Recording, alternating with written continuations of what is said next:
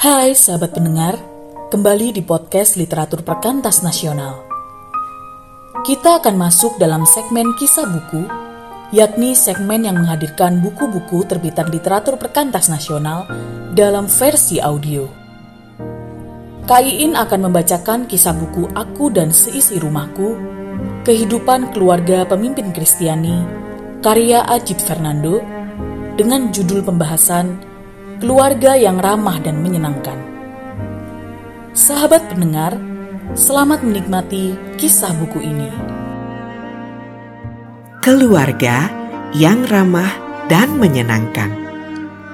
Ketika orang tua Kristen memikirkan kesejahteraan anak, mereka biasa berpikir untuk melindungi mereka dari pengaruh buruk dan memotivasi mereka mengembangkan kebiasaan yang dapat menolong mereka untuk dapat bertumbuh dengan baik, sehingga mereka memberikan perhatian yang besar dalam instruksi moral dan pendidikan. Namun, ada juga aspek penting dalam pertumbuhan sehat yang seharusnya tidak boleh mereka abaikan. Salah satunya adalah kebutuhan anak dan remaja untuk menikmati kegembiraan yang sehat selama masa perkembangan mereka. Saat berbicara tentang damai yang akan datang dan kesejahteraan Yerusalem, Zakaria bernubuat, dan jalan-jalan di kota itu akan penuh dengan anak laki-laki dan perempuan yang bermain-main di situ. Zakaria 8 ayat 5 Yesus menggunakan sebuah gambaran tentang anak-anak yang bermain di jalan dalam salah satu perumpamaannya. Itu mungkin perkawinan pengantin-pengantinan yang juga melibatkan tarian diiringi permainan suling. Matius 11 ayat 16 sampai 17. Meskipun tidak ada referensi jenis mainan dalam perjanjian lama, para arkeolog telah menemukan peluit, kerincing, kelereng, boneka, binatang pada waktu itu menggunakan roda, dan aneka objek lainnya di banyak situs bersejarah di Palestina yang memberikan indikasi jenis-jenis alat permainan yang dimainkan oleh anak-anak bangsa Israel. Kita dapat mengambil kesimpulan bahwa bergembira adalah ciri penting dalam kehidupan anak-anak. Adalah sangat penting bahwa masa kanak-kanak mereka dipenuhi dengan ingatan yang menyenangkan, termasuk bermain dengan anggota keluarga dan yang lainnya. Orang tua harus mencari tempat yang menyenangkan bagi anak-anak dan sering membawa mereka ke sana. Dan mereka harus menyiapkan waktu di antara jadwal mereka untuk dapat bermain dengan anak mereka.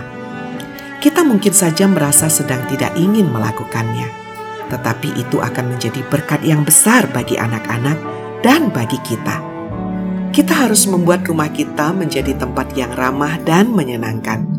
Seringkali kita terlalu ingin menjaga rumah kita terlihat rapi dan bersih, sehingga kita menghalangi kegembiraan yang anak-anak bisa dapatkan di rumah. Hal ini tidaklah sehat. Mengizinkan anak-anak untuk bermain tanpa rasa takut adalah kunci. Ketika mereka mempunyai sikap yang positif dalam bermain, maka mereka juga akan lebih terbuka terhadap keinginan mereka saat mereka akan berhenti bermain pada waktu tertentu untuk pulang ke rumah dan mengerjakan tugas sekolah mereka. Kebebasan bermain bukanlah sesuatu yang harus mereka perjuangkan dengan susah payah.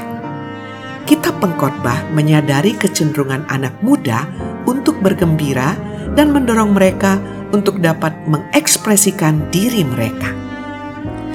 Bersukarialah, hai pemuda, dalam kemudaanmu. Biarlah hatimu bersuka pada masa mudamu, dan turutilah keinginan hatimu dan pandangan matamu. Pengkhotbah 11 ayat 9a. Tentu saja hal itu membawa kita pada hal selanjutnya. Tetapi ketahuilah bahwa karena segala hal ini Allah akan membawa engkau ke pengadilan. Pengkhotbah 11 ayat 9b. Ini menegaskan bahwa kita harus dapat bergembira sesuai dengan hukum Allah. Kegembiraan yang kudus. Kebahagiaan tidak boleh menjadi tujuan utama bagi anak-anak kita. tetapi kekudusan. Anak-anak harus belajar bagaimana mendapatkan kesenangan yang bertanggung jawab. Kesenangan yang tidak akan menyakiti atau membuat orang lain merasa tidak nyaman. Tempat ideal untuk mempelajari hal tersebut adalah di rumah. Kita sering mengutip pernyataan dalam dua ayat berikutnya dalam pengkhotbah. Ingatlah akan penciptamu pada masa mudamu. Pengkhotbah 12 ayat 1a. Namun, kita lupa akan alasan kenapa seseorang perlu mengingat pencipta saat masih muda. Sebelum tiba hari-hari yang malam dan mendekat, tahun-tahun yang kau katakan tidak ada kesenangan bagiku di dalamnya. Ayat 1b. Ayat lanjutan ini menunjukkan bahwa alasan dari imbauan ini adalah ketika lanjut usia dengan punggung sakit dan tulang keropos tidak dapat menikmati hidup selayaknya orang muda. Oleh karena itu, anak muda dianjurkan untuk mengingat pencipta mereka pada usia ketika mereka dapat menikmati diri mereka sendiri. Sebab dalam persekutuan dengan pencipta yang memberikan kapasitas kita untuk bergembira, kita akan mendapatkan jenis kesenangan yang paling baik dan paling nikmat. Anak-anak bertumbuh menikmati kegembiraan yang aman dan sehat di rumah, mereka tidak akan rentan terhadap godaan dari kesenangan yang membawa kepada dosa yang akan menimpa mereka segera dengan kekuatan yang besar. Dunia berpikir bahwa untuk dapat bergembira, seseorang harus berbuat dosa. Kita perlu menunjukkan kepada anak-anak kita bahwa bergembira selaras dengan kekristenan. Dan satu-satunya cara untuk mendapatkan kegembiraan yang menyenangkan adalah dengan melakukannya bersama Allah. Mengizinkan mereka untuk menikmati waktu yang menyenangkan dengan orang tua mereka di dunia adalah cara yang baik untuk membuka pikiran mereka tentang ide bahwa mereka juga dapat menghabiskan waktu bersama Bapa di surga.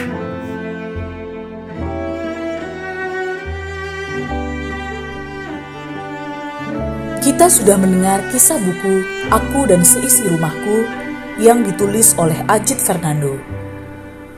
Pesan dan dapatkan buku ini melalui WhatsApp Literatur Perkantas Nasional. Terima kasih. God bless you.